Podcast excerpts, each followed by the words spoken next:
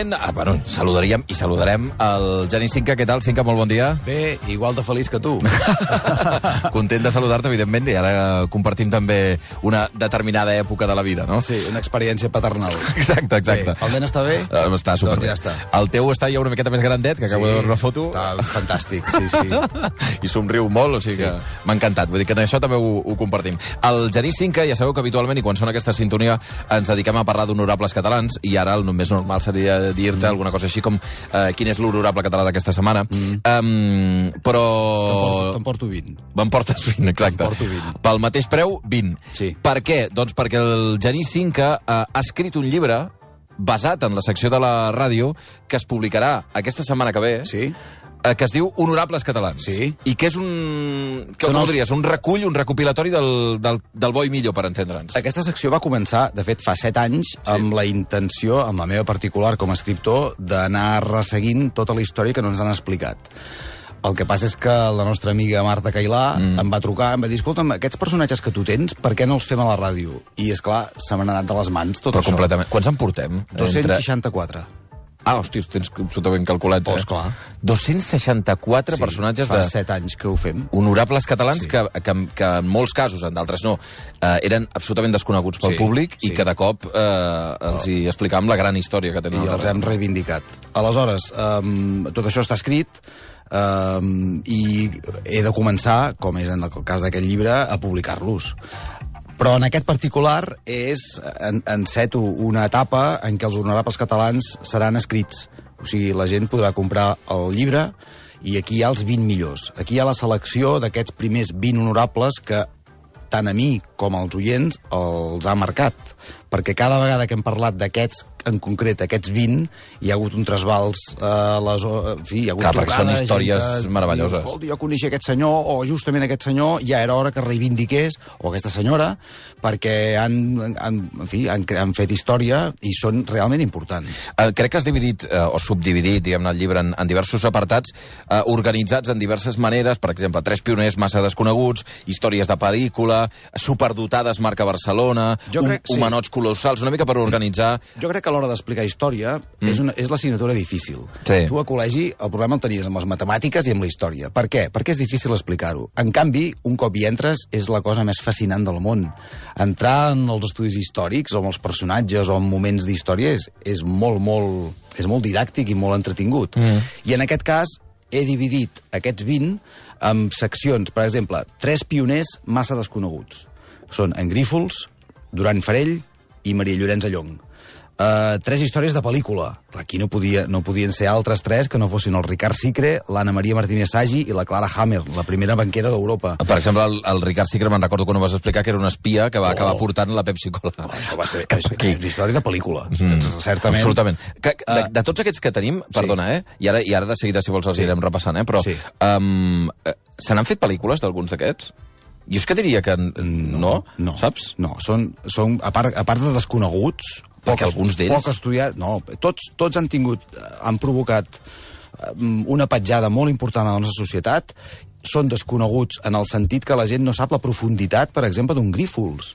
Grífols ara mateix és una empresa, va debutar al Nasdaq, estem parlant del Nasdaq eh, als Estats Units, Sí, sí. una empresa catalana, purament catalana, d'aquí, creada amb un pal i una espardenya, per un senyor, el, el Josep Antoni Grífols i Roig, que, va, que se li va acudir la idea de crear un banc de sang, en plena postguerra emmirallant-se amb l'experiència que els seus dos fills, en Víctor eh, Grífols i Lucas i el seu germà, havien tingut amb en Duran Jordà a la Guerra Civil, mm -hmm. el, a, en el bàndol republicà. Per tant, és un gol per tota l'esquadra al franquisme, perquè la idea republicana del Banc de Sang de Duran i Jordà la porta a terme en Grífols. I és un Pare, èxit descomunal. És un èxit descomunal, perquè, és clar, imagina't tu, crear un banc de sang, això comença a salvar milers i milers de vides, sistematitza guardar la sang. Sí, sí. Però l'as a la màniga, i aquests personatges, aquests 20 honorables, tenen un as a la màniga sempre, que és el gran secret que, que, els, que, els, que els fa coneguts i, i, i els fa exitosos,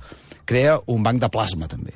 I el plasma és el que, a nivell internacional, fa a Grífols una empresa única.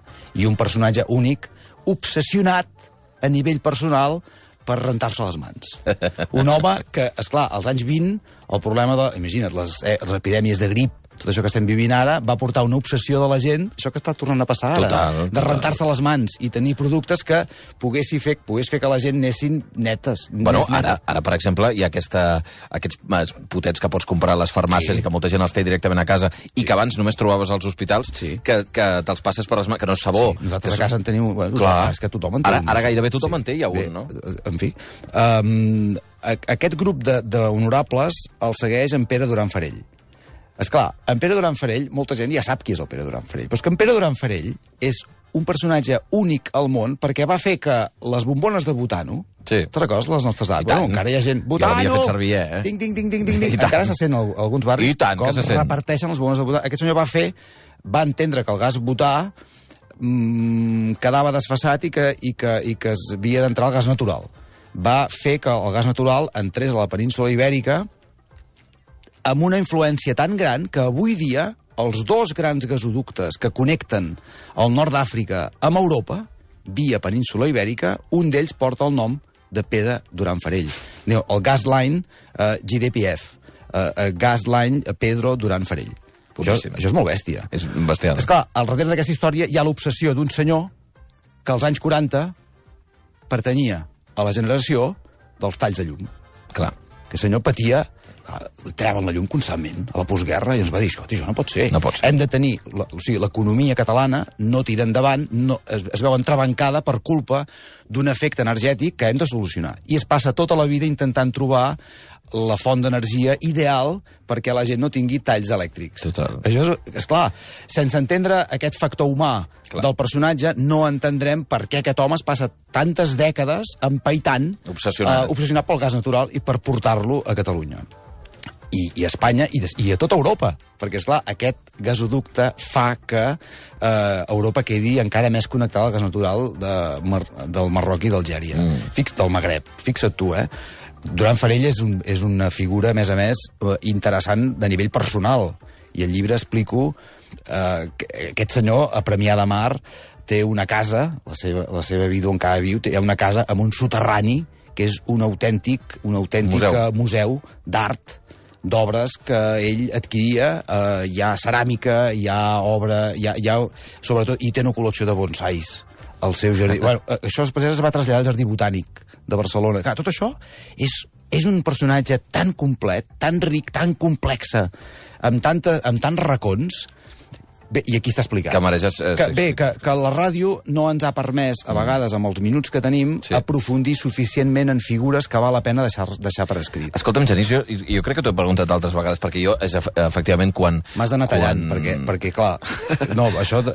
No, evidentment, és que ara no podrem repassar els 20 honorables. Clar, Eh, això- això la gent ho ha de trobar, però en fi, hi ha casos eh, meravellosos. Però t'anava a preguntar, eh, perquè sempre, al final, la, la secció dels honorables catalans és una secció heredada, com deies, de, de l'època de la Marta Cailà, mm. que jo quan l'escoltava m'encantava i vaig, vam decidir que quan, que quan eh, va haver-hi el, el canvi i, la, i, la, i el nou via lliure eh, es mantingués, no? Um, però jo no, com que jo no et coneixia d'abans, mm. no sé d'on et va sortir aquesta obsessió per retratar personatges que estaven, eh, diguem-ne, de- desapareguts de la nostra història. Bé, quan, quan jo vivia a Roma, jo era corresponsal de l'Avui a Roma. Mm. I d'altres mitjans, el que sortia. Treballar de freelance significa eh, treballar, Treballar molt. Treballar molt, treballes a, a preu fet. Sí, per sí. tant, com, com més peces fas al mes, més diners tens per sobreviure a Roma, que és una ciutat cara. Mm. Uh, a Roma vaig demanar a un amic, un amic meu, que és historiador, que es diu Frederic Ribas, que m'enviés algun llibre jo trobava a faltar a casa meva, no? Trobava a faltar una mica el lligam, diguéssim, Emocional. emocional d'aquí, no? I em va enviar un llibre que és l'edat d'or de l'Artur Blader de Zumbila, que és un escriptor impressionant de la Ribera d'Ebre, de, nascut a Benissanet, un autor increïble, i jo vaig quedar parat de la profunditat, de la, de la riquesa d'aquest personatge i de com de desconegut n'era. Perquè tu no el coneixies de res. Jo de res. Clar, com era possible que, que jo, que, que era periodista, no m'haguessin I que explicat... t'agradava la literatura, que llegies, no? L'Artur de Zumbila, que per cert ara el Josep Sancho ha publicat una biografia que està molt bé. Uh, com era possible això? Clar, tibant el fil d'en Blader de Zumbila, em surt un tal Alexandre Deulofeu, Home, que era l'home que preveu el final d'Espanya, sí. el final, perdó, de l'imperi espanyol el 2029, mm. cosa que, que ja ve, que, que, que passarà. amb, amb un batibull impressionant, però ja és això, val? Tibant del Deulofeu em surt el Francesc Pujols. Tibant del Francesc Pujols entro en el món dels metges. no perquè ell fos metge, que no ho era, però entro al món dels metges i quedo al món dels metges parat, perquè, és clar no es havia explicat bé la història, per exemple, de la Milimira, que aquí surt, és l'últim personatge d'aquí, el gran psiquiatre desconegut. L'altre dia em vaig anar a renovar el carnet de conduir.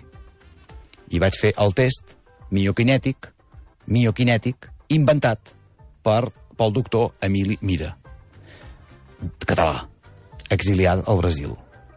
Aquest test d'autoescola, que és aquell que segueixes amb, el, Sí. amb, amb cada Pip. mà, pip, que, que no pots tocar la banda, això s'ho va inventar aquest senyor per fer passar les proves d'accés a la feina dels conductors d'autobusos de Barcelona. I es fa servir a tot arreu. Tot, no, tot el món. Tot arreu no, a tot el món. O sigui, totes les autoescoles del món fan servir el test miokinètic, però ningú sap que aquest test miokinètic se'l va inventar el doctor Mira, que és el, també l'introductor de la psicoanàlisi i de la psicologia a Catalunya. Clar, o sigui... Jo- jo crec que en això, Mira, Genís- un cop entres a estudiar el doctor Mira, dius, mare meva, però quin personatge! És boníssim, perquè és un home que... En fi, és Però és- que és, mo, és molt bo. Per- a nivell personal, vull dir. Però, però, però perdona que t'agafi aquí perquè dit una paraula clau, que és exiliat. Sí. No? Uh, tinc la impressió que si ens passa això a Catalunya, Sí. en bona part és perquè hi ha un tall determinat de la història que ha impedit que determinats personatges eh, arribessin, no? que hi ha hagut una feina molt eh, posterior per fer-nos arribar a personatges molt transcendents Val. de la història, eh, però d'altres que han quedat absolutament enterrats. Estic d'acord, a mitges. Mm. Per, perquè hi ha, hi ha excepcions. Per exemple, el tercer, el tercer prioner massa desconegut, que com comença el llibre, és la Maria Llorenza Llong. Sí. Aquesta senyora, al segle XVI, funda l'Hospedale de l'Incurabili de Nàpols. Recordes que vam parlar-ne amb el I Dani? tant, i tant. Que sí. Sí, sí. Uh, on ell va debutar a la ràdio, segons ens va dir al costat. Sí, sí. Doncs aquesta senyora encara avui té el carrer Uh, Maria Lorenza Longo, Longo. i és lleidatana. Sí, la senyora és de Lleida. I aquesta senyora va fundar uh, un hospital que encara avui està obert mm. per atendre prostitutes, que les prostitutes, la sífilis aquí anava... Clar, segle XVI has dit? Segle XVI Ah, imagina't. l'obsessió pels llençols que va introduir els llençols. El, els llençols nets cada dia. Clar. El, un moment en què els, els malalts dormien en llits de palla, i és clar, imagina't, allà hi havia una, una mà de bitxos que s'ho menjava... Bé, doncs aquesta senyora introdueix això, no tan sols aquest aspecte higiènic, sinó que l'hort d'her- d'herbes medicinals que munta a dins de l'hospital, que encara hi és, encara es pot veure, va fer que metges i farmacèutics i droguers de tota Europa anessin a l'Hospedale de Vinculabili de la Llong a estudiar medicina. Esclar, Un personatge això no s'explica si, no, si al darrere no hi ha un honorable d'aquesta alçada, Clar. que és, que és molt, molt, molt bèstia. Per exemple, a Superdotades marca Barcelona, que a mi potser és el, és el capítol que més, que, que més, que més he disfrutat, hi ha la Carme Serrallonga. Mm. Clar, la Carme Serrallonga és una dona tan important, és més que una mestra. Uh, era, la, era la gran mestra de- d'Isabel de de Villena, el primer col·legi uh, que sota el franquisme es va atrevir a, a fer que les nenes, els nens i les nenes parlessin en català. Nens i nenes, eh? Imagina't, ràpid que marxin les nenes de la classe perquè ve el... el, L'inspector. L'inspector, saps? No? I molts amagaven el del Amagaven, Franco amagaven que era mixta. amagaven que era mixta i que es parlava en català Clar, i, clar. i que donaven classe en la llengua materna, per tant, natural de les criatures. Uh, fascinant la Carme Serrallonga, que a més a més, i aquí ve la importància d'escriure tot això, a part de mestra, era traductora. Però si aquesta senyora tradueix Albert Albrecht, tradueix tot el que aleshores a nivell europeu s'havia de llegir i estava, eh, diguéssim, a la punta de llança de la intel·lectualitat del moment són més que són més del, del que a, a, aparenten. Per exemple, te'n puc dir un altre? I tant. L'altre tros del llibre que on més on millor m'ho he passat són les tres ànimes sensibles. Tres ànimes sensibles. Són el Josep Escobar, el pare de Carpanta i Zipizape. Sí, senyor. Te'n recordes en vam parlar? I tant. Va trucar una mà de gent Sí, sí. aquell dia, perquè, clar, tothom recorda el Zipizape, però... L'Escobar gent- no tant. No tant. I, en canvi, quan parlaves amb el, amb el del Mortadelo, l'Ibáñez, Sí, l'Ibáñez. es desfeia en elogis per el Josep Escobar, que és un home que, a més a més, s'inventa, o sigui, introdueix a Espanya els dibuixos animats. És l'introductor, com a gran guionista que era, un pioner. I, a més a més, s'inventa dues joguines perquè els nens puguin fer cine a casa. Uh, L'escop, una màquina, per una mena de cinexin, Sí, sí, sí, un premi, Avant abans la letra, letra. val? Per, per tant, és, una, és tan... I a més a més, el Dianya diu, és es que esta senyora hacía de todo, hasta plantava avellanes en su casa. O sigui, uh, sembla que vivia a Centelles i, i tenia una casa allà, i llavors aquest senyor pl plantava allà. Bueno, era, era, és un personatge múltiple que és capaç no només de fer el sipisabe, que ja és molt important, i el carpanta, Oh. que per passar la censura de que a Espanya no es passava gana. Exacte. Es si passava una gana immensa segons quins llocs. Però després ve el Xesco Boix. Oh. Xesco Boix, que el Xesco Boix, per què es converteix en un personatge que encara ara fa rissar els pèls del braç a molta gent quan sí. ha sentit Xesco Boix, el gran, el gran juglar de Catalunya. Sí. La importància del personatge és el, seu, el viatge que va fer a la Califòrnia pre-hippie, a l'any, a l'any- crec que era l'any 61, ho fa per cert amb l'Estivill, amb el doctor Estivill. Ah, sí? Que ho fa amb ell i el germà, un dels germans del Xesco Boix. El doctor Estivill posteriorment es convertiria amb el metge de la son. Sí, sí. Fixa't tu quin viatge. Bueno, i un dels introductors també de la, de la música, diguem-ne, folk a, Ah, Aquí a casa està. nostra. No? Molt bé. El Xesco Boix troba un buit a la nostra societat que són la- l'animació infantil. Mm -hmm. I es converteix en qui es converteix en l'animació infantil. Per tant, molta gent pensa que és el, el Xesco Boix de l'animació infantil, cosa que és certa, Sí. sí. i ho feia d'una manera exemplar, però ho feia de manera exemplar perquè havia anat a Califòrnia i havia begut d'aquella font. Jo recordo molt que el dia que vam fer Xesco Boix va trucar una senyora Sí, que havia estat la seva parella. emocionadíssima. Emocionadíssima, sí, aquell dia. Sí, perquè a més a més aquests personatges són complicats a nivell personal. Clar. Bé, el Xesco Boix es va suïcidar, Sí, sí. es va tirar al tren. Clar, així comença aquest capítol. Què li va passar a aquest personatge per trobar una decepció tan gran en el, en el seu entorn? Bé, és que tots aquests músics tan autèntics, que havien recollit aquella autenticitat californiana pre-hippie, diguéssim, van anar adquirint productores, es van fer rics, la majoria. Va, rics, entén-me. Van arribar, van entrar al sistema capitalista del que és la distribució de la música. Clar. Ell no. Ell va mantenir l'autenticitat amb la que havia començat. Clar, aleshores això converteix el personatge en un ésser molt especial, mm. en un ésser molt sensible, en un ésser molt vulnerable. Igual que el següent personatge, el següent oracle, és l'Olga Sakharov. L'Olga Sakharov, eh, en fi, és una pintora de l'alçada d'un campanar que és adoptada per la ciutat de Barcelona per com va pintar la llum de Barcelona i com exerceix el seu feminisme, ara que es parla tant de feminisme, contra Franco, Mm. en un moment en què les dones no podien sortir soles per anar al teatre. Doncs ella i un grup d'amigues anaven soles al Liceu. Sí, sí. Per tant, aconsegueix crear aquesta, en fi, eh, aquesta batalla interna en un fet social important. Uh, què més vols que t'expliqui? No, mira, hi ha un, hi ha un molt- camp... és que Ara parlaves de la, de la medicina. Aquí hi ha els 20 millors, Eh. Xavi. O sigui, els, dels tots els que hem fet, jo quan arribava a casa, Mm. mm. excitat encara per la secció i per la resposta de la gent, anava seleccionant els que... He anat, he anat descartant els que després jo he seguit estudiant. Sí, sí. Perquè són els que eh, mm, realment creen escola. Ramon Margalef. Clar, el- l'ecòleg global. Aquest senyor s'inventa l'ecologia global. Entén que parlar de l'oceà està relacionat directament amb el bosc tropical. És clar, ningú s'havia atrevit a fer aquesta relació directa entre dos àmbits que en principi no es toquen. I en canvi ell, per ell, la barreja és, és obligatòria gairebé. De, de tota la gent que va començar a trucar, de, oh, jo vaig ser alumne Sí, del Margalès, te'n recordes? Amb un professor caòtic, que- caòtic, perquè era un home que tenia tant per explicar que aleshores les classes eren un caos d'informació i de, bueno, tot això que us he explicat ja ho estudiareu, però jo necessito ara aquí anar avançant. Uh, una cosa... Bueno, que creen, no només es creen escoles, sinó creen, eh, com es diu ara, la, la, la voluntat d'acabar sent algú, no? Ara Eh, mateix hi ha molts ecòlegs a nivell mundial Clar. que són alumnes directes de- d'aquesta manera de fer. Escolta'm, aquest senyor se- és el que se'n va, recorda que vam riure aquí, vam disfrutar, se'n va amb l'espinàs amb un colador. Mm. Ah, li diu, miri, aquí hi ha uh, l'eina més important, el colador aquest. El colador. Que era un colador fet amb quatre filferros, de quan era ella petit, Sí, sí. i a casa seva, una gent del Priorat es veuen obligats a fer el pas del Priorat a Barcelona. Mm. L'única escapatòria que tenien amb l'enyorança que els, que, els, eh, que els movia aquesta gent, els, els Margalef, era un, un petit jardinet que hi havia al darrere de la Casa Gràcia, amb una bassa.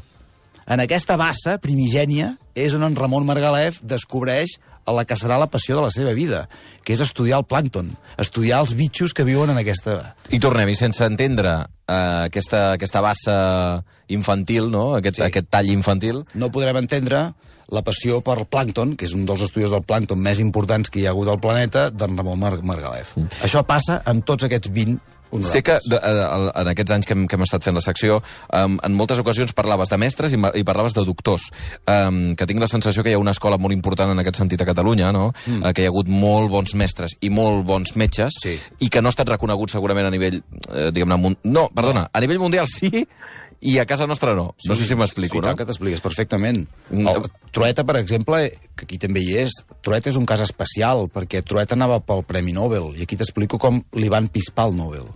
Aquest és un, és un capítol més delicat. Això aquí ja no ho vam explicar, però s'explica en el llibre com la, una confabulació, que ja ho llegireu, eh, internacional, va pispar el Nobel a Josep Trueta, Això estem parlant d'anys... Eh... l'any 75. Mm -hmm. Clar, any 75 era un any delicat. Ja. Era un any delicat, va morir el dictador, i aleshores eh, no es podia permetre que un metge català que a Oxford es pensaven que era anglès, li deien Joseph.